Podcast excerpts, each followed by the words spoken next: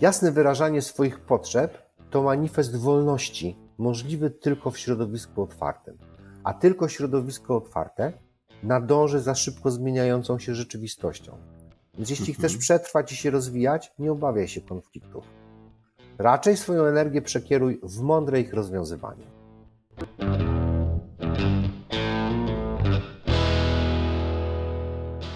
Cześć, nazywam się Tomek Miller, a to jest podcast Kaizen Miracle. Małymi krokami od pomysłu do zysku. Ten podcast tworzę dla liderów, przedsiębiorców i tych, co chcą nimi zostać. Chcę, żebyś korzystając z zamieszczonych treści małymi, średnimi lub wielkimi krokami dużo szybciej niż dotychczas osiągał swoje cele biznesowe i prywatne. Sam również wspieram przedsiębiorców i menadżerów. W myśl kaizenowej maksymy pomagam im, jak pracować mniej, a mądrzej. Dane do mnie znajdziesz w opisie odcinka. I tyle wstępu. A teraz zapraszam do podcastu. Dziś jest naprawdę mega ciekawy odcinek. Cześć. Żyjemy w bardzo niepewnych czasach. Czasach WK. Zmiany dookoła nas są mega szybkie. Jutro jest bardzo niepewne. Niedawno był COVID, teraz jest wojna na Ukrainie. Niepewność jest dookoła nas bardzo, bardzo duża. Jak się boimy, ta niepewność buduje nasz strach, a strach powoduje konflikty. W firmach mam wrażenie, że też jest ich sporo. Czy można tym konfliktom zaradzić? Jak sobie z nimi radzić? Jak sprawić, żeby w firmie pracowało się spokojniej, a przy okazji efektywniej? O tym dziś porozmawiam z Andrzejem Kazimierczakiem, trenerem biznesu. Cześć Andrzej. Cześć Tomku. Andrzej, bardzo dziękuję Ci, że zgodziłeś się tutaj pojawić. Jakbyś mógł, to przestaw się jeszcze tak po swojemu, w dwóch, trzech zdaniach. Okej.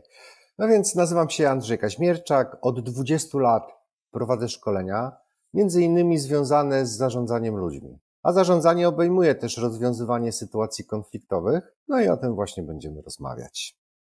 Super. Andrzej, no jak już zacząłem A, to powiedzmy B. Co to jest konflikt? E, wiesz, co jest źródłem słowa konflikt? Nie? No, to łacińskie conflictus, czyli zderzenie. Aha. Ogólnie mówiąc, właściwie każda sytuacja, w której zderzasz się z kimś lub z czymś w drodze do realizacji swojego celu, to właśnie sytuacja konfliktowa. Mhm. Zderzamy się z innymi, ale też sporo konfliktów toczymy sami ze sobą. Na przykład, Twoim celem jest bycie zdrowym, wiesz, że powinieneś pójść na spacer, ale ci się nie chce. Właśnie jesteś w konflikcie wewnętrznym. Twój No. zdrowotny cel versus brak motywacji. Aha. Zamiennie moglibyśmy słowo konflikt nazwać problemem. A co się Mhm. robi z problemami? Rozwiązuje się. Okej. I chodzi o to, żeby wiedzieć, jak robić to najlepiej. Okej. No ciekawe. E, Bo to tak pomyślałem o tym konflikcie wewnętrznym, to mam, mam wrażenie, że bardzo dużo osób ma go codziennie. Prawda? E, nawet z takimi prostami, prostymi rzeczami, jak czy wstać z łóżka, czy nie. E, Prawda, tak. Okej, ale mm, bardzo dużo osób marzy o firmach bez konfliktów. Czy takie w ogóle istnieją? E, No, istnieją. Nie tylko firmy, nawet państwa takie istnieją. Tak Mhm. jak Rosja albo Korea Północna. A, Wiesz no co, tak. że trzeba zrobić, by nie było konfliktów? Zakazać ich. Na przykład wprowadź zarządzanie totalitarne, odpowiedni regulamin, a każde odstępstwo od tego regulaminu surowo karaj. Czy Aha. takie firmy mogą istnieć we współczesnej Polsce? No wyobrażam sobie, że, że jakieś spektrum tego zjawiska istnieje. No ale jak widzisz, to jest absurdalne, wręcz nienormalne. No tak, bo tak jak, tak jak powiedziałeś, że e, zak- żeby zakazać konfliktów, to trzeba też Mhm. stworzyć taki aparat dodatkowy kontrolowania, który też jest kosztowny i wymaga bardzo dużej os- liczby osób, która będzie to kontrolowała. Tak, no wiesz, konflikty one, one, one będą. To jest kwestia, czy one są ujawnione, czy takie utajone. Nie? W tych Mhm. systemach y, właśnie totalitarnych y, ludzie z, no, z różnych względów, sz- szczególnie właśnie ze względu na, na obawy o swoje zdrowie, czy życie, czy o utratę jakichś zasobów, no po prostu nie ujawniają tych e, konfliktów, wolą siedzieć cicho, są zastraszeni. Dlatego też mówienie o sytuacji, gdzie nie ma konfliktów, jest y, mówieniem o sytuacji właśnie takiej anormalnej. Okej, okay. bo tak w słowie konflikt mam wrażenie, że większość osób kojarzy to z czymś negatywnym, ale tak jak fajnie to powiedziałeś w metaforze, że bez tego konfliktu to my się po prostu nie rozwijamy też, nie, nie powodujemy, mm, że y, zderzają się nasze myśli i, i, i tworzymy coś fajnego. A tutaj właśnie mam dodatkowe pytanie. To w takim razie, gdzie tu jest różnica między konfliktem a dyskusją? E, no tak, tak jak powiedziałeś, zobacz, o konflikcie często myślimy negatywnie. Mhm. Tak jak o wszystkim, co nie pozwala ci zrealizować e, swojego celu.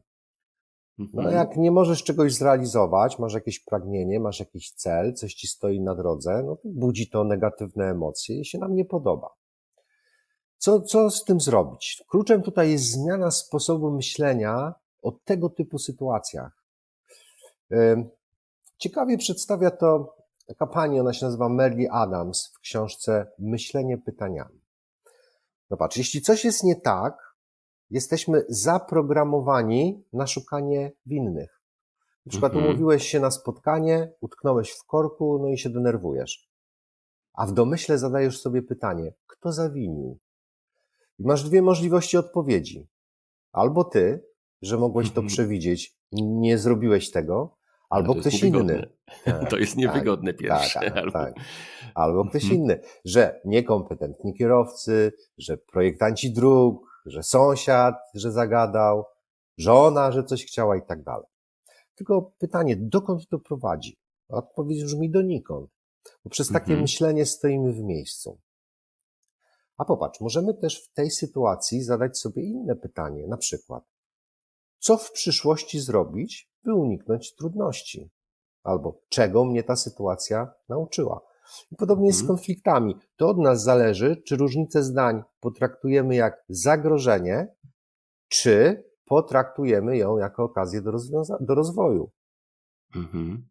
Tutaj jakie, mam takie pierwsze kajzenowe takie podpowiedź, mhm. że po pierwsze mm, spójrz na konflikt właśnie jako część rozwoju i nawet zamiana konfliktu z takim w głowie takiego słowa właśnie konflikt na dyskusję, mhm. mam wrażenie, że już trochę łagodzi ten konflikt i, i może sprawić, że do, do problemu wyjdziemy bardziej pozytywnie, nie?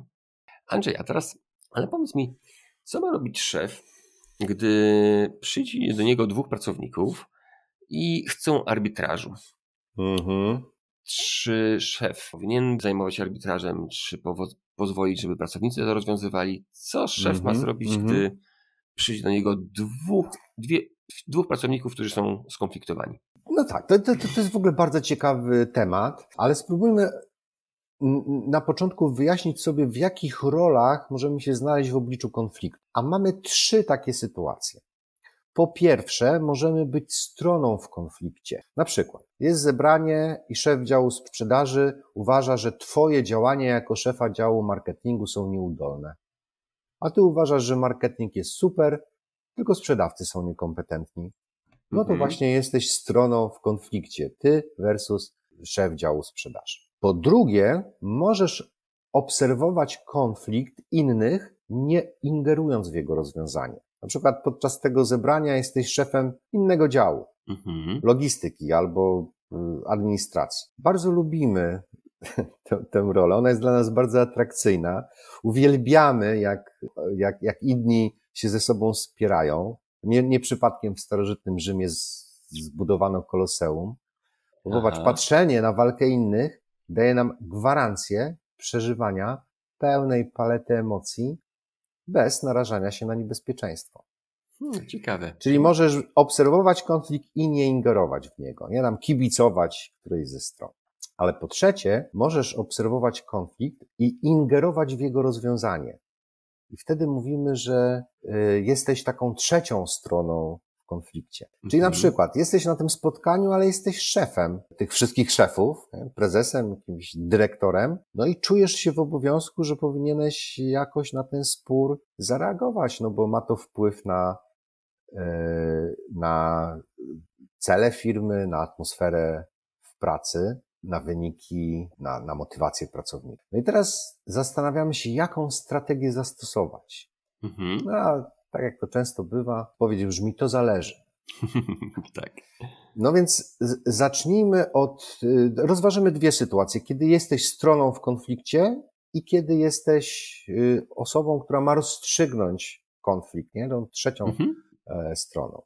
No więc jeśli jesteś stroną w konflikcie, warto by było, żebyśmy zadali sobie kilka pytań. Na przykład, czy to w ogóle jest istotny problem?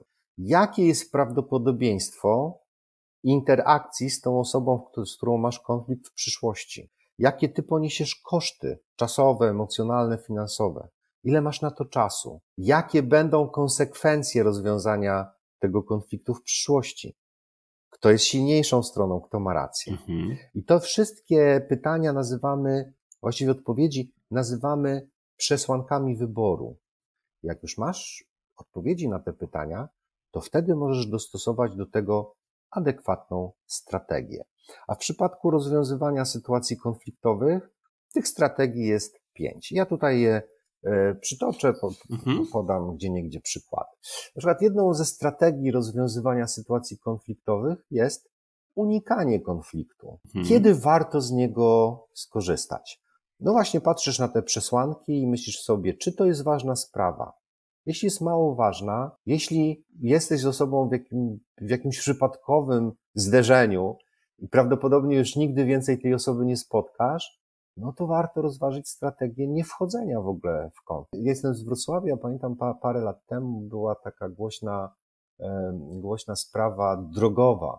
Dwóch kierowców e, zatrzymało się na skrzyżowaniu, jeden na drugim wymusił pierwszeństwo, zaczęli się spierać, kłócić, wyzywać. W efekcie jeden z tych kierowców wyciągnął nóż i zasztyletował drugiego. Jeden z, jedna ze stron konfliktu nie żyje, druga ze stron odsiaduje wieloletni wyrok więzienia.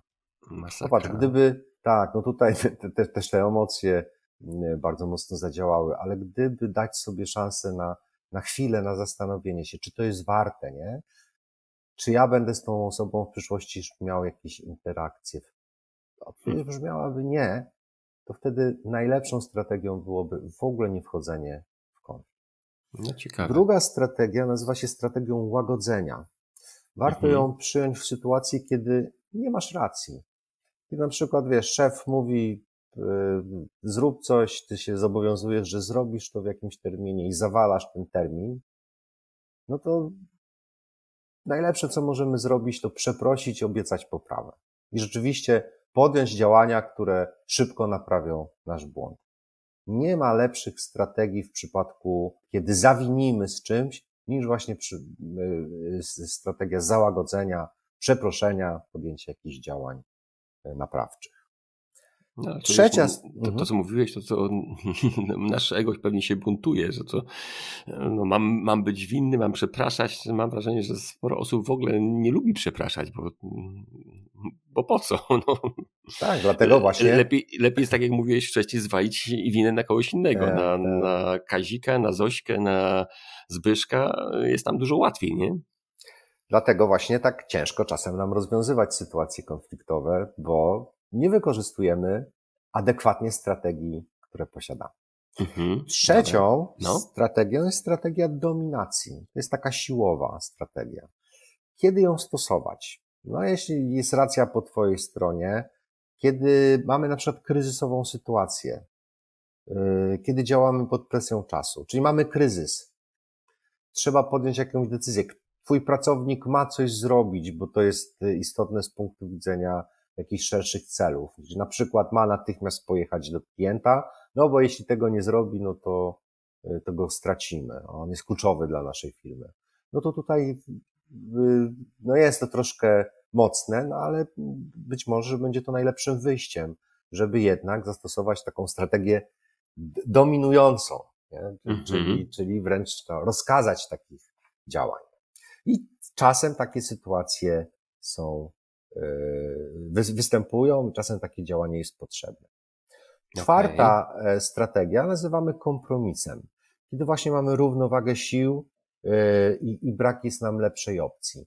Czyli jak, jak mam, wracając do tego przykładu z, z dzieleniem pomarańczy, ty chcesz zjeść pomarańcze, ja chcę zjeść pomarańcze, no to żeby było sprawiedliwie, podzielimy ją na pół. Ja, z, ja, ja, ja, mam, ja robię dla ciebie jakieś ustępstwo, ty robisz jakieś ustępstwo, no ale przynajmniej częściowo osiągamy swoje cele. No ale jest jeszcze piąta strategia, nazywamy ją strategią kooperacyjną, czy taką strategią współpracy. Zastanawiamy się, mm, bierzemy pod uwagę te przesłanki wyboru. Strategia kooperacji polega na poszukiwaniu satysfakcjonujących rozwiązań dla obu stron. Kiedy po nią warto sięgnąć? No właśnie, jeśli e, spór jest, waga sporu jest istotna, kiedy zależy nam na relacjach z drugą stroną, kiedy ta interakcja w przyszłości będzie następować często, warto wtedy sięgnąć po e, te rozwiązania takie kooperacyjne. E, w firmach, jeśli dochodzi do, do konfliktów, a ludzie mają ze sobą współpracować, mają osiągać e, cele, no to pewnie mm, stosunkowo często warto sięgać po takie rozwiązania, które spowodują, że zrozumiemy potrzeby innych, no i spróbujemy znaleźć rozwiązania satysfakcjonujące. Nie zawsze się da, wtedy mamy kompromis. No ale jak się da, no to warto mm, sięgać. Czyli kiedy jesteś stroną e, konfliktu, warto spojrzeć na konflikt z szerszej perspektywy. Mhm. Wtedy potrzebny jest nam ten czas na zastanowienie się, przeanalizowanie strategii, które mamy do zastosowania, przeanalizowanie przesłanek, wybór adekwatnej strategii, no później trzeba zrealizować jakiś plan, no i przystąpić do działania. To jeśli jesteś stroną w konflikcie. Mamy też okay. drugą sytuację, tę, o którą pytałeś właśnie. Mhm. Czyli jesteś osobą ingerującą w spór, czyli tą, tą trzecią stroną konfliktu. Często z, taką, z takimi sytuacjami będzie e, mierzył się szef. Okay. To tutaj mm, pamiętaj, to, to jest bardzo ważne, żebyśmy pamiętali, że ludzie mają bardzo dużą, bardzo silną potrzebę funkcjonowania w środowisku, w którym mają przekonanie, y, o którym mają przekonanie, że jest sprawiedliwie. Każdy z nas ma swoje własne takie subiektywne poczucie sprawiedliwości. Ale ta sprawiedliwość z perspektywy rozwiązań jest niezwykle istotna. No i tutaj mhm. mamy, mamy kilka możliwości wykorzystania strategii tych ingerujących. Ja podam cztery takie najczęściej e, stosowane. Pierwsza strategia nazywa się. Mhm. Ja jeszcze może podsumuję to, co powiedziałeś. To wydaje mi się, że to już tam, żeby tam e, słuchacze też e, mogli taki mieć chwilę, że to, co mówiłeś a propos typów rozwiązywania Y, konfliktów. Po pierwsze to jest unikanie. Mhm. Wtedy, kiedy wiemy, że z daną osobą nie będziemy się już kontaktować w przyszłości, czasami mhm. po prostu ten konflikt nie ma, nie ma sensu e, go pod, e, podgrzewać. Tak, e, podsycać. Mhm. Mhm. Drugie to jest łagodzenie. Wtedy, gdy nie mamy racji, to nie ma sensu brnąć w coś albo spychać mhm. do kogoś, tylko przyznać się na szybko i, i, i to jest jedna ze strategii. Kolejna to jest y, dominacji. Wtedy, kiedy wiemy, że mamy taką siłę, żeby na kogoś wpłynąć i mamy presję czasu, Mhm. E, i chcemy to załatwić jak najszybciej. E, kolejna to jest kompromis, kiedy mamy taką no, równowagę siły, właśnie jest, jest dwa działy w firmie, kiedy są i szukamy najlepszej opcji. I piąta strategia to jest kooperacja, czyli poszukiwanie takich rozwiązań, które sprawią, że jedna, jeden dział czy jedna strona konfliktu i druga będą zadowolone i dzięki temu konflikt się w miarę szybko rozwiąże. Mhm.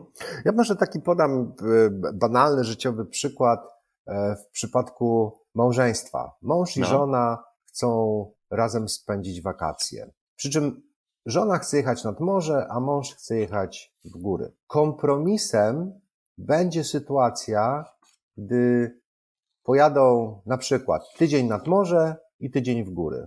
Y, mam to, co chciałem częściowo, no ale z czegoś rezygnuje dla dobra drugiej strony. To będzie kompromis. Sytuacją win-win będzie sytuacja zastanawiania się, czy możemy coś zrobić, żeby spędzić te dwa tygodnie w taki sposób, abyś ty i ja, abyśmy byli w pełni usatysfakcjonowani.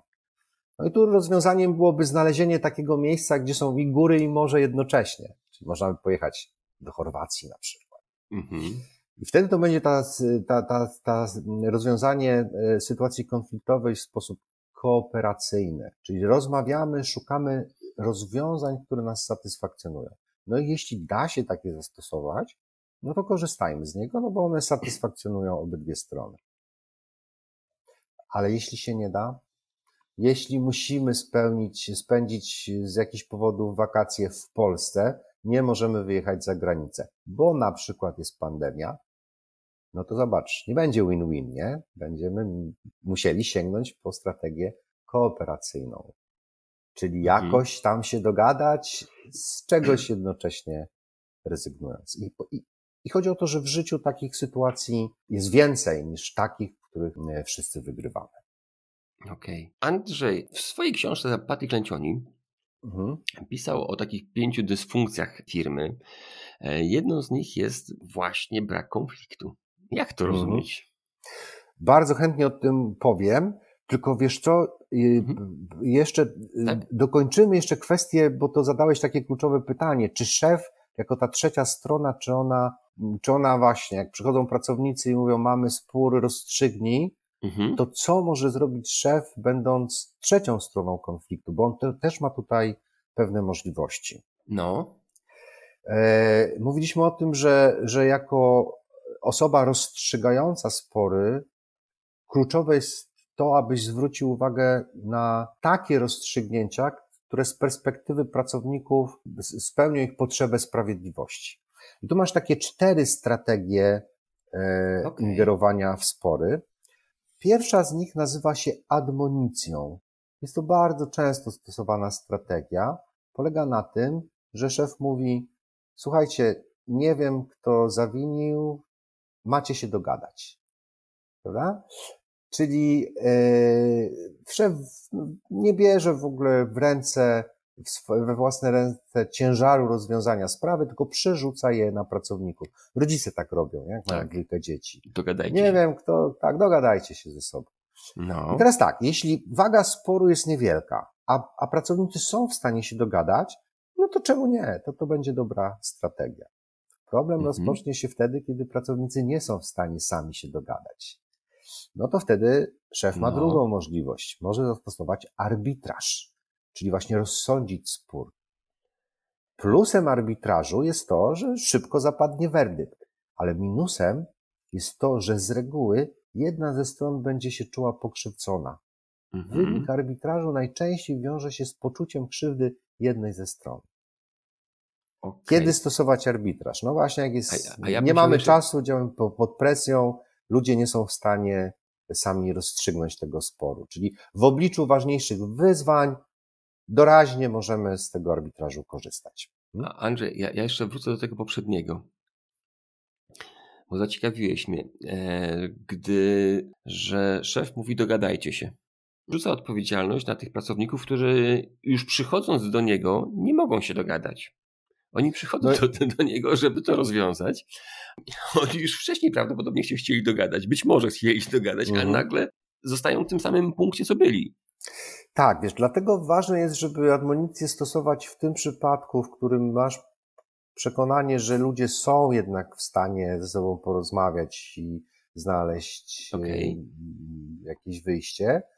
A druga rzecz to ta waga sporu, rzeczywiście ona nie może być jakaś wielka. O jak, jakie sytuacje możemy mieć na myśli? No, na przykład y, pracownicy są w konflikcie, bo jedna osoba, bo jednej osobie jest za gorąco y, w pomieszczeniu e, i, i otwiera okno, albo włącza klimatyzację, a druga źle się czuje, bo, bo, jest jej zimno no trudno, żeby tutaj szef, mając dużo na głowie, jeszcze angażował się w tego typu rozwiązania. No jeśli i wtedy y, przerzucenie rozwiązania na pracowników ma sens. Jeśli są w stanie się dogadać, jeśli ta waga sporu nie jest jakaś wielka. A drugą okay. strategią jest właśnie arbitraż. Czy mamy admonicję, no. oddanie sprawy w ręce skonfliktowanych osób. Mhm. Mamy też arbitraż, ale on mhm. się wiąże właśnie z trudnościami. Na tym, na tym polega mądrość w rozwiązywaniu sporów, żeby sięgać po narzędzia, które są adekwatne do sytuacji. Trzecią taką, taką strategią, którą możesz zastosować jako szef, są mediacje. Jest to miękka strategia, i właśnie wtedy, gdy pracownicy nie są w stanie się dogadać, a waga sporu jest wysoka i zależy ci na, na dobrych relacjach w przyszłości, no to wtedy możemy włączyć taki proces mediacyjny. To jest poszukiwanie zaspokojenia rzeczywistych potrzeb e, obydwu stron konfliktu. Mhm. Często to jest właśnie potrzeba sprawiedliwości, szacunku, docenienia, bezpieczeństwa, autonomii. Proces mediacji wymaga czasu i zaangażowania, ale jak jest dobrze zrealizowany, to daje szansę na polepszenie relacji, no i właśnie satysfakcję obydwu stron. I teraz, co jest istotne y, w mediacjach? W mediacjach kluczowe jest zrozumienie rzeczywistych potrzeb obydwu stron. Jest taki świetny przykład z historii, gdzie wzorowo zastosowano mediację, a dotyczył bardzo poważnej kwestii, no bo konfliktu zbrojnego między dwoma państwami, Izraelem a Egiptem. E, I, i tu podam taki, taki przykład właśnie historyczny. E, w 1967 roku doszło do tak zwanej wojny sześciodniowej. Koalicja państw arabskich e, zaatakowała Izrael. Izrael, mając bardzo sprawną armię, obronił się. No i nie dość, że się obronił, to jeszcze zajął tereny należące do Egiptu. Mam na myśli półwysep Synaj. No i to mhm. był rok 1967 e, i, i od tego czasu państwa pozostawały wobec siebie e, we, w takiej silnej wrogości, niechęci, w ogóle nawet nie chcieli ze sobą rozmawiać. Inne państwa przekonywały, siądźcie do, do rozmów, spróbujcie zawrzeć jakiś pokój. Nie, nie ma mowy. Egipt mówił tak, nie będziemy rozmawiać z, Egip- z, z Izraelem, dopóki nie oddadzą nam naszych ziem, naszego półwyspu. A Izrael mówił, nie będziemy w ogóle wycofywać się z tego półwyspu, nie rozmawiamy z Egiptem. I ta sytuacja patowa trwała tak 14 lat. I w 1981 roku mediator zadał pytanie, kluczowe pytanie, które w mediacjach występuje. Pytanie, dlaczego ci na tym zależy? To, mhm. to jest też takie pytanie, zajmujesz się filozofią Kaizen, podejściem Kaizen, no to jest też to pytanie takie why, nie? Dlaczego? Tak. Nie chodzi w tym pytaniu o pretensje, dlaczego coś robisz, tylko chodzi o zrozumienie. Co mhm. jest twoim, twoją intencją? Co jest rzeczywistym powodem, dla którego e, prezentujesz takie stanowisko? No więc zadano to pytanie, e, e, Egiptowi, dlaczego tak bardzo zależy wam na tym półwyspie Synaj? A Egipt mówi, no bo to są nasze ziemie, to się nam należy. Mediator poszedł do Izraela i zapytał się, a dlaczego wy nie chcecie oddać tego półwyspu? A Izrael mówi, bo my się boimy, że jeśli e, oddamy e, te ziemię, to znowu e, Egipt nas w przyszłości zaatakuje, a my nie zdążymy się obronić, dlatego że Półwysep Synaj bezpośrednio graniczy z naszymi ziemiami. I wtedy mhm. zobacz, zrozumiano, na czym polegają rzeczywiste potrzeby czy interesy obydwu stron. Rzeczywistą potrzebą Egiptu no, było oddanie ich własności, a rzeczywistą potrzebą Izraela było poczucie bezpieczeństwa. I mhm. wtedy, jak rozumiano, co jest rzeczywistą potrzebą obydwu stron, zaczęto zastanawiać się, co zrobić, aby dać satysfakcję obydwu stronom. No i mhm. takie rozwiązanie znaleziono, zastosowano i to rozwiązanie funkcjonuje do dnia dzisiejszego. Wiesz, co Fajne. było rozwiązaniem mhm. sytuacji? No, domyślam się, że zdemilitaryzować tak, tak. strefę Synaj która tak. będzie egipskim panowaniem, znaczy panowaniem, zarządzaniem, ale tam nie będzie wojska, tak? Dokładnie tak to wygląda. Czyli z, z, Półwysep Syna jest taką, z taką strefą buforową, zdemilitaryzowaną. Rzeczywiście wróciły te ziemie do Egiptu, o czym wiemy, natomiast Egipt nie przetrzymuje tam ciężkiego sprzętu wojskowego. Mhm. I efekt jest taki, że Izrael od tej strony ma poczucie względnego bezpieczeństwa, a Egipt ma poczucie, że ziemie, które mu się należały, e, wróciły e, pod ich e, sferę wpływu. Więc mhm. obydwie strony są mhm. zadowolone. I to jest właśnie takie rozwiązanie spełniające oczekiwania jednej i drugiej strony, i tym powinny kończyć się mediacje. Czyli okay. to jest zrozumienie, mhm. co jest Twoją potrzebą, rzeczywistą potrzebą, i poszukanie takiego rozwiązania, które spełni Twoje potrzeby. My, jak, jak wchodzimy ze sobą w spór, raczej toczymy go, to się nazywa przetargiem wokół stanowisk. Czyli na poziomie komunikacyjnej prezentacji jedna strona mówi, ja chcę ziemię, a druga strona mówi, ja nie oddam ci tych ziem. I koniec. No i teraz mhm. trudno tutaj znaleźć rozwiązania. Jeśli zrozumiemy, co jest powodem takiego stanowiska, te, wtedy mamy szansę na długotrwałe rozwiązanie. I to się nazywa mediacją właśnie. Dobrze. Jak się przygotować do mediacji? Bo czy szef musi się jakoś mm, znać na tym? Szef bez jakiejś wiedzy, bez umiejętności, to, to nie zrobi. No, łatwo mówić mediację, ale wiemy, że to jest jakieś szukanie jakiegoś złotego środka, ale bez przygotowania, bez no, czasami szkół, tego nie zrobimy. Mhm. To jak się wziąć za taką mediację w firmie? Czy Prawda, firmę boku? Prawdą jest rzeczywiście, że, że to trzeba mieć jakąś, jakąś fundamentalną wiedzę, jak ją, jak te mediacje przeprowadzić. Jest sporo literatury, która, która o tym traktuje, więc rzeczywiście warto poczytać, być może, że, że, że pójść na jakieś szkolenie. Są oczywiście wykwalifikowani mediatorzy, którzy się tym zajmują, ale też myślę, że, że Jesteśmy w stanie y, y, to robić, być takimi mediatorami, często w życiu jesteśmy, y, pamiętając o zachowaniu pewnych takich podstawowych reguł. No, pierwsza reguła to taka, że, że to mediacje są dobrowolne, czyli szef, jeśli, jeśli, jeśli już decyduje się na taki proces, no to wtedy może może pójść, czy powinien pójść do strony i zaproponować im, zapytać, czy w ogóle chcą się dogadać. Od tego powinno się zacząć. Czy właśnie, czy y, proces mediacji, czyli taka, taka, takie wspólne rozmawianie, y, poszukiwanie tych rozwiązań strony widzą jako możliwość rozwiązania sporu, czyli ma to być dobrowolne. Druga rzecz, szef nie, nie, nie, nie może być stroną, nie może przyjmować mm, punktu widzenia którejś ze stron jako istotniejszy. Fundamentem jest tutaj bycie bezstronnym. Koncentrowanie się na procesie, a nie na poszukiwaniu mhm. rozwiązań. To jest rola szefa. Rozwiązania muszą paść ze strony e, skonfliktowanych stron, tak. Szukamy, mhm. on operuje takimi pytaniami, związanymi z chęcią zrozumienia, co jest rzeczywistym powodem.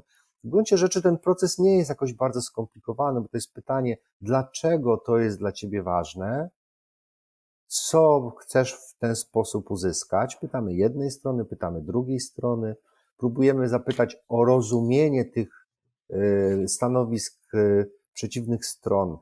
Co sądzisz y, jest ważne dla drugiej osoby, dlaczego tak jest, co tam mm, się pod tym wszystkim kryje.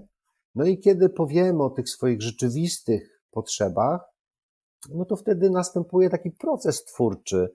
No to teraz wspólnie zastanówmy się, co zrobić, żeby jedna i druga strona y, zrealizowała mm, te swoje pragnienia. Jeśli hmm. uda się znaleźć jakieś rozwiązanie akceptowane przez obydwie strony, no to kolejny krok no to jest wdrożenie tych działań, a potem monitorowanie, sprawdzanie, czy tak się dzieje. Co ciekawe, mediatorem wcale nie musi być szef. To może być osoba, która ma pewne takie kompetencje społeczne, i te mediacje może prowadzić. To może być inny pracownik, jeśli cieszy się odpowiednim zaufaniem, autorytetem, no i ma właśnie taką chociaż podstawową wiedzę do procesu mediacyjnego. No ale tutaj mhm. oczywiście istotne jest założenie, że chcemy się dogadać, nie? że sytuacja konfliktowa nie jest dla nas e, komfortowa, chcemy ją zmienić, mamy wolę, żeby to naprawić. No i, i wtedy, jeśli będziemy szczerzy, otwarci, zbudujemy taką atmosferę, że możemy rozmawiać o wszystkim, e, to jest szansa na to, że się e, porozumiemy. Jeśli firma nie czuje się rzeczywiście kompetentna, żeby to zrobić, no to może sięgnąć po, e, po wykwalifikowanych mediatorów. Okay. W Stanach Zjednoczonych y, mhm. instytucja mediacji jest y, bardzo rozpowszechniona, mm, szczególnie w, w sądownictwie, y, przy rozstrzyganiu różnego rodzaju sporów. Na przykład, jeśli małżonkowie chcą się rozejść, no to proponuje im się instytucje mediacji.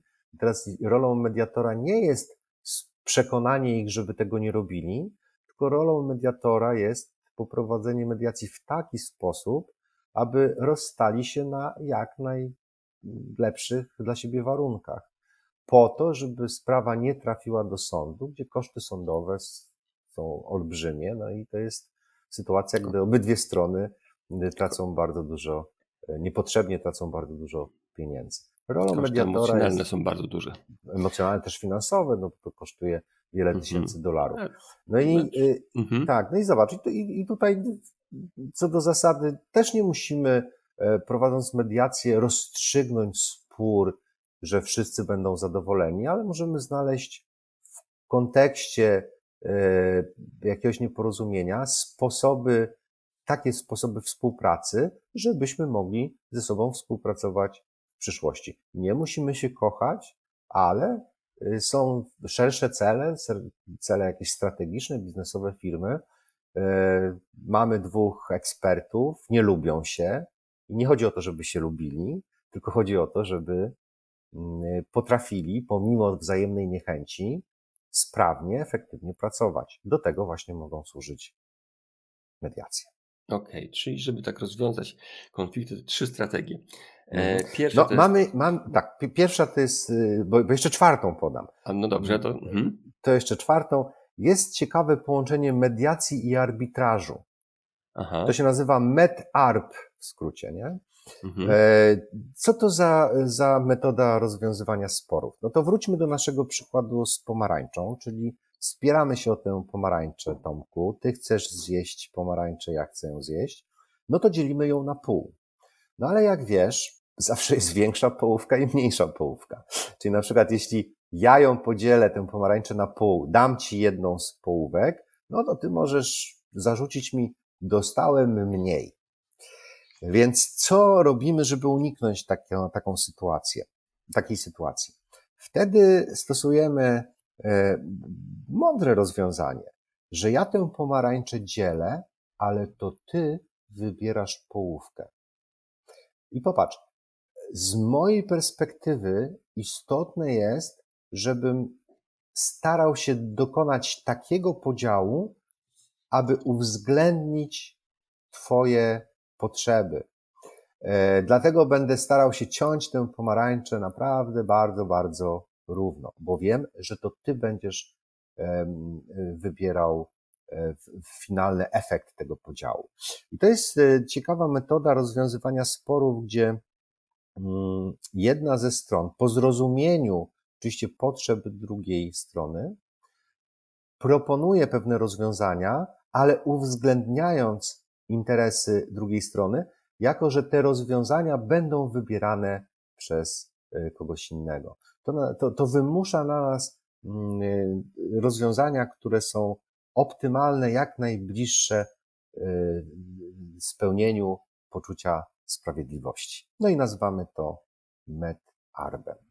I to są właśnie takie mhm. cztery strategie, które ty jako szef, jako osoba ingerująca w spory, yy, możesz stosować.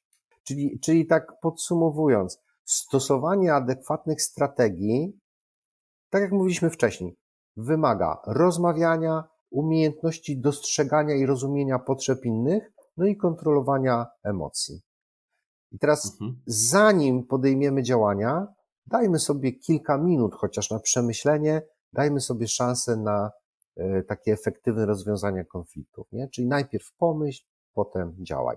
Ale kluczem do rozwiązywania sytuacji konfliktowych jest ocena sytuacji, zastanowienie się nad przesłankami wyboru, wybór strategii, no i wdrożenie tej strategii. Andrzej, jeszcze Patryk Nincioni, tak jak wspomniałem, mówił, że brak zdrowego konfliktu prowadzi do braku zaangażowania pracowników. Jak to jest? Mhm. Jest w tym sporo racji. Tam, gdzie dwie osoby pozostają ze sobą w długiej interakcji, a tak jest w firmach, prędzej czy później dojdzie do różnicy zdań. Mhm. W firmach, w rodzinach. Nie wyobrażam sobie, że we wszystkim jesteśmy zgodni. Mhm. Jeśli te różnice nie wypływają na powierzchnię, to znaczy, że albo jesteśmy totalnie podporządkowani komuś innemu, czyli nie mamy własnego zdania, albo chcemy coś innego, ale jesteśmy sparaliżowani strachem, albo kompletnie nad, nam nad niczym, niczym nie zależy. To no. jest dysfunkcyjne, żeby nie powiedzieć chore. Jasne wyrażanie swoich potrzeb to manifest wolności, możliwy tylko w środowisku otwartym. A tylko środowisko otwarte nadąży za szybko zmieniającą się rzeczywistością. Więc jeśli mhm. chcesz przetrwać i się rozwijać, nie obawiaj się konfliktów. Raczej swoją energię przekieruj w mądre ich rozwiązywanie. Mhm. To jeszcze takie, wracam do tego może, co, co też ja tutaj yy, uczę o takim o tworzeniu bezpieczeństwa psychologicznego. Mhm. Bez konfliktów nie ma rozwoju firmy, bo gdy nie ma rozmów, nie, nie rozwijamy się. Bez rozmów nie ma e, rozwoju. E, te konflikty mogą być, tylko kwestia tego, żeby ludzie w firmach też mieli prawo do, mm, do bycia takim samym sobą. Bo, bo inaczej, gdy ludzie się obawiają w firmie mhm. wypowiadać, to też nie dają, nie wkładają potencjału swojego firmy, prawda? Mhm. Tak, stworzenie poczucia bezpieczeństwa, to się, ja pamiętam kiedyś podczas szkolenia była obecność, była obecna prezes firmy i dyrektorzy. Szkolenie dotyczyło prowadzenia takich rozmów oceniających. Ja się zapytałem uczestników szkolenia, jak oni oceniają mm, ten system rozmów oceniających, który funkcjonuje w firmie, ponieważ dobre przeprowadzenie rozmowy oceniającej daje szansę na zwiększenie motywacji, złe przeprowadzenie rozmowy demotywuje, to jest ważny temat, więc jak oceniają e, ten swój system. No, no wtedy i... padła, zapadła cisza w sali szkoleniowej, nikt się nie odzywa. Po, po, po pewnym czasie pani prezes mówi do wszystkich tak. Słuchajcie, mówcie otwarcie. Otwarta komunikacja w firmie to podstawa. Znowu no. chwila ciszy, no ale jeden z, z, uczestników szkolenia mówi, no dobra, ja widzę taki problem, jeśli chodzi o nasz system y, rozmów oceniających. Nie dokończył zdania, a pani prezes zwraca się do tego uczestnika, który zabrał głos w następujący sposób. Grzesiek, a ty to byś się zamknął, bo ty ciągle widzisz jakieś problemy. No i tak się skończyła otwarta komunikacja podczas szkolenia. No i wyobrażam sobie, że tak się kończy rzekoma otwarta komunikacja w firmie. Oczywiście, żebyśmy mogli y, rozwiązywać trudne kwestie, potrzebna jest y, otwartość, e, potrzebne jest zachęcenie osób decyzyjnych do tego, abyśmy otwarcie rozmawiali. Jeśli jest szlaban na tego typu wypowiedzi, na przykład wypowiedzi krytyczne, e, wyrażanie jakiegoś swojego niezadowolenia czy wątpliwości, no to nigdy nie będziemy mieli mm, instytucji, firmy, organizacji, która będzie dobrze rozwiązywała sytuację konfliktową. Fundamentem mhm. dobrego rozwiązania konfliktów jest po pierwsze ich ujawnienie, no i wyrażenie e, swojego zdania, swojej opinii, no i poz, po, pozwolenie na wypowiedź innym, nie tak jak, jak, jak Grzesiek, jak miał Grzesiek. E, ale teraz mam pytanie jeszcze jedno. Jak zbadać, czy no, firma jest zdrowa, czy nie? Bo jak nie mamy konfliktów, chora tak, firma. Jak, jak, jak, za dużo źle, jak za mało, tak. jak nie ma też źle.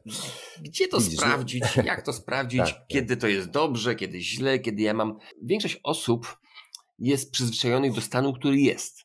Mhm. i nie widzi tego, że firma może być e, no, toksyczna. Mhm. Albo no. zachowania w firmie mogą być toksyczne, ponieważ zawsze były. Jak sprawdzić, jak znaleźć taki papierek lakmusowy, dzięki któremu dowiemy się, czy w firmie jest ok, czy, mhm. czy firma, firmie należą się jakieś modernizacje i usprawnienia? Ani, ani sytuacja, gdzie jest nadmiar konfliktów, ani sytuacja, gdy brakuje konfliktów, nie jest sytuacją mm, zdrową.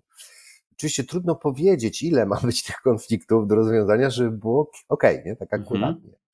Można by to zbadać, jeśli to badać, to poprzez y, badania opinii y, pracowników. Trzeba by było zapytać ludzi, jak te sytuacje mają, jaki, jaki wpływ sytuacje konfliktowe mają na ich pracę i motywację.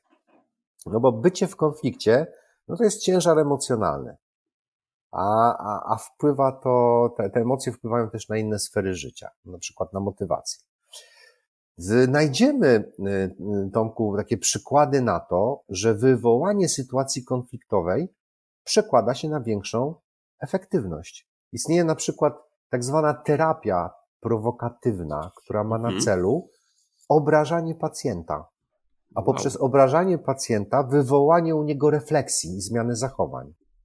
W sztuce, na przykład na początku XX wieku, takim nurtem prowokatywnym był Y, dadaizm, który miał właśnie również wywoływać refleksję, zmuszać do przemyśleń.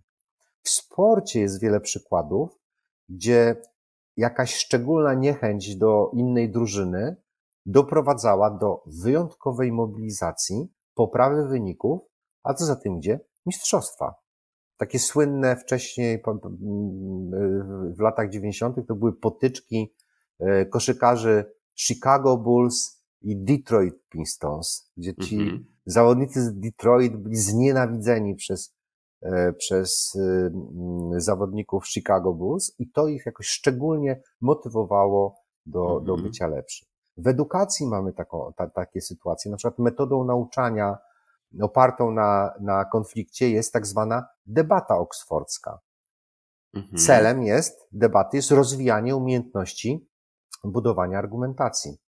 W firmach jest to współzawodnictwo między oddziałami czy poszczególnymi osobami. Jak szef powie, zobacz, Zosia ma lepsze wyniki niż ty, to może mieć to wpływ na twoją motywację.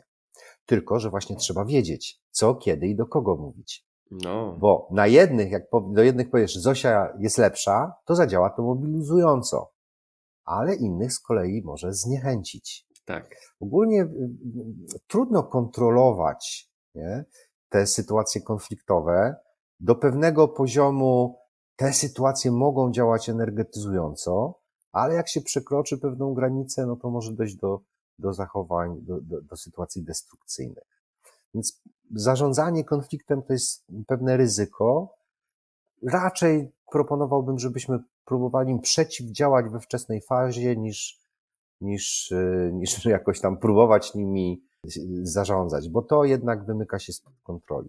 No i okay. po, tak wracając do pytania, mm, jak badać, to, to będą to badania związane właśnie z e, próbą określenia oceny opinii pracowników, jak oni się w tych sytuacjach odnoszą, czy jest tego za dużo, czy, czy, czy, czy właśnie za mało, E, mhm. Czy mogą otwarcie wyrażać swoje poglądy, czy raczej są przyduszeni? To nam sporo powie o tym, czy sytuacja jest zdrowa, czy też nie. Mhm.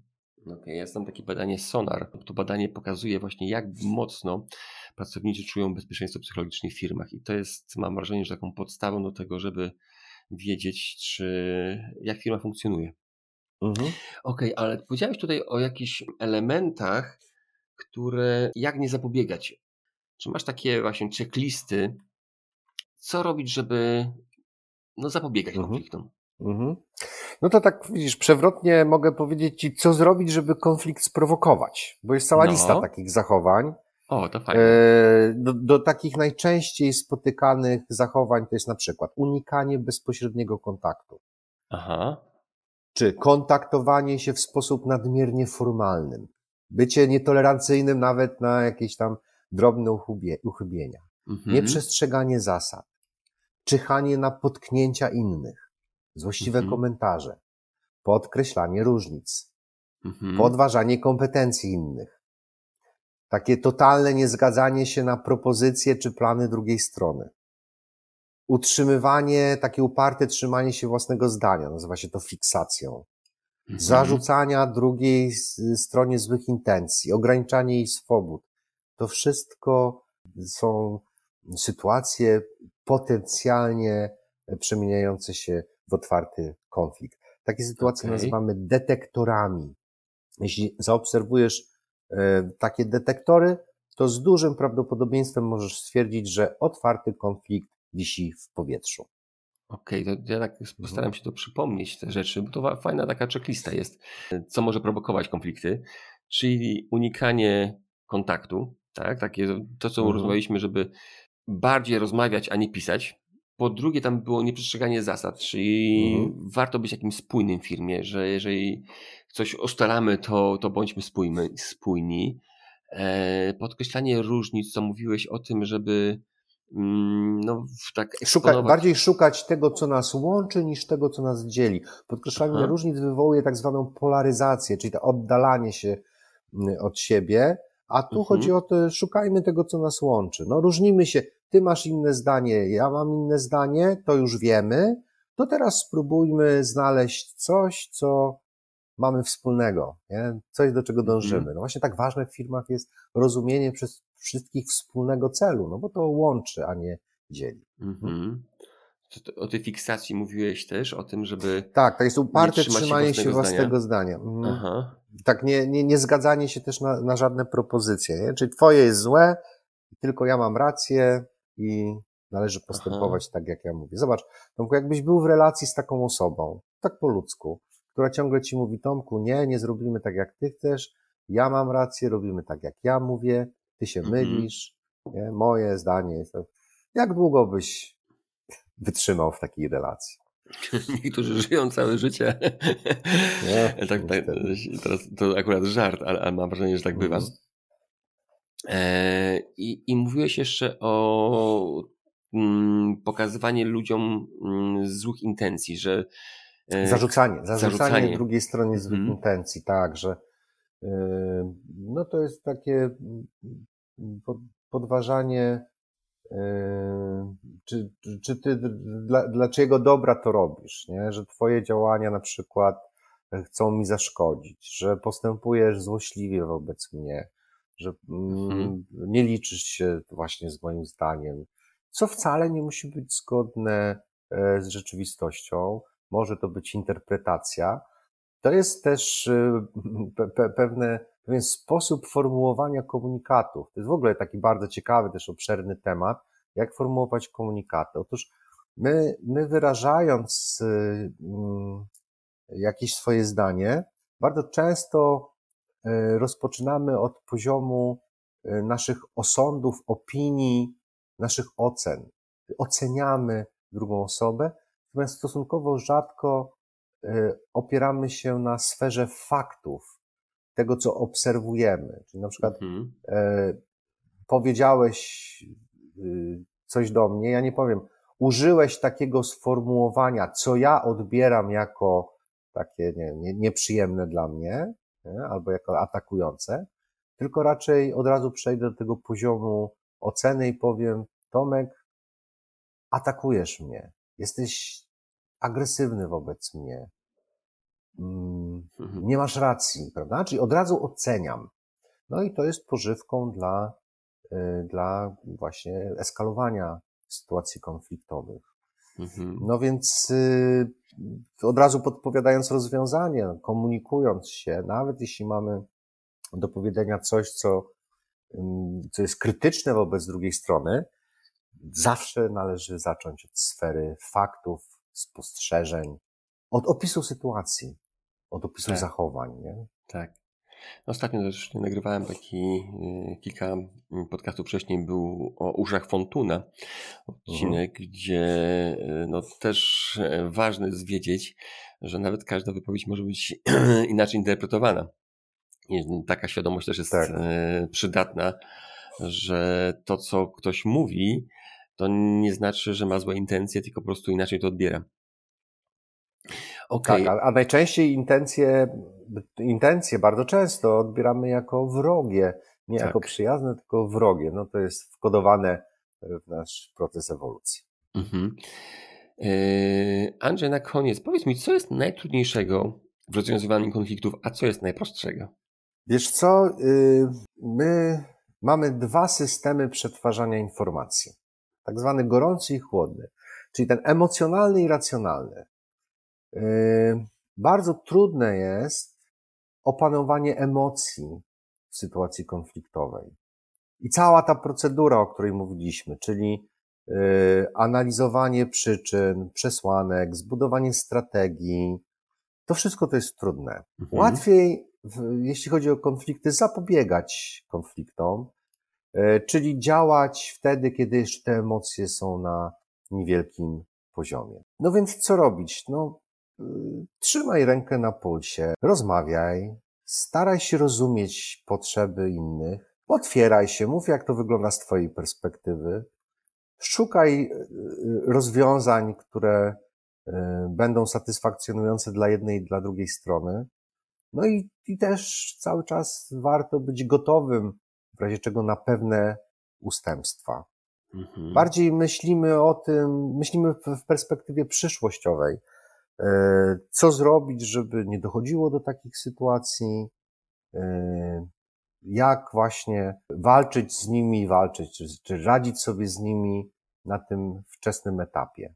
Mhm. Czyli reaguj, tak? Bądź aktywny, bądź proaktywny wobec takich sytuacji. Nie czekaj, nie bądź bierny, e, nie licz na to, że sytuacje same trudne same się rozwiązują. Czasem się rozwiązują, tak, mhm. ale to, to nie może być nasza jakaś taka główna strategia.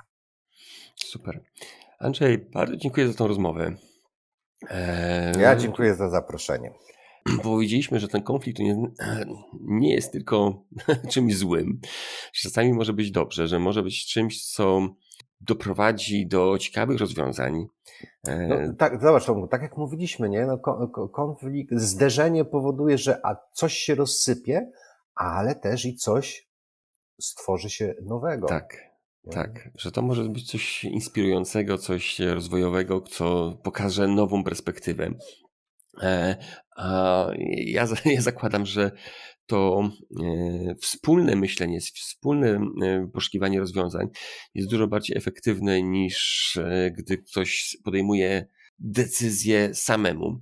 Czasami też ma rację, ale to wspólne mam wrażenie, że pokazuje więcej perspektyw, e, więcej zagrożeń i więcej mm, takich e, nowości, które mogą mogą się przydać, że konflikty są, mogą być dobre, mogą być złe, czasami trzeba na nie uważać. Warto y, rozwiązywać je na początku, jeżeli są takie symptomy, które są niepewne. Warto się, warto się na nie przygotować, warto wiedzieć, jak, y, jakie są strategie rozwiązywania problemów. Dużo to rzeczy było powiedzianych. Także mam wrażenie, że słuchacze tutaj mają dużą taką encyklopedię, jak podchodzić do konfliktów. Wielkie dzięki za to, Andrzej. Powiedz mi jeszcze na koniec, gdzie Ciebie można znaleźć? Ja działam głównie poprzez system rekomendacji. Nawet nie mam e, swojej strony internetowej, ale jeśli ktoś chciałby się skontaktować, mogę podać mail trener biznesu małpawp.pl. Zapraszam do kontaktu. Jeśli będę mógł być w czymś pomocnym, to zrobię to z radością. Super. Andrzej, wielkie Także dzięki to, za tę rozmowę. Ja Udanego dziękuję dnia. za zaproszenie. Wszystkiego dobrego. Do usłyszenia, do zobaczenia. I jak Ci się podobał ten odcinek? Jeżeli coś Ci się spodobało, to szybko weź długopis lub telefon i zapisz to sobie. Być może jest to jedna rzecz, może więcej. Zapisz to sobie. Wiesz, tak, żeby nie zapomnieć. Pamięć jest naprawdę ulotna. Na koniec dziękuję moim patronom i tych, co wspierają mój podcast. Jeżeli podobają Ci się te treści, które tu tworzę, rezonują one z Tobą, to daj komentarz na Spotify albo na Apple Podcast. Możesz też zostać patronem podcastu na stronie patronite.pl ukośnik Kaizen Miracle. A jeżeli chciałbyś sprawdzić, jaki styl zarządzania sprawdzi się w Twojej firmie, to zapraszam do symulatora okrętu podwodnego Mission One. W firmie For Results stworzyliśmy VR-owy, wirtualny symulator łodzi podwodnej. Menadżerowie zakładają gogle na twarz i od razu, bez rzeczywistych konsekwencji, uczą się, jaki sposób zarządzania przynosi im najlepsze efekty. Doświadczenia są naprawdę niewiarygodne. Jeżeli chciałbyś też dowiedzieć się coś więcej o Kaizen, to zapraszam do mojej książki Kaizen jak osiągać wielkie cele małymi krokami. Link do książki znajdziesz w opisie odcinka. Tam również znajdziesz kontakt do mnie, gdybyś chciał ze mną współpracować. I tyle na dziś. Niech Kaizen da Ci moc. Cześć!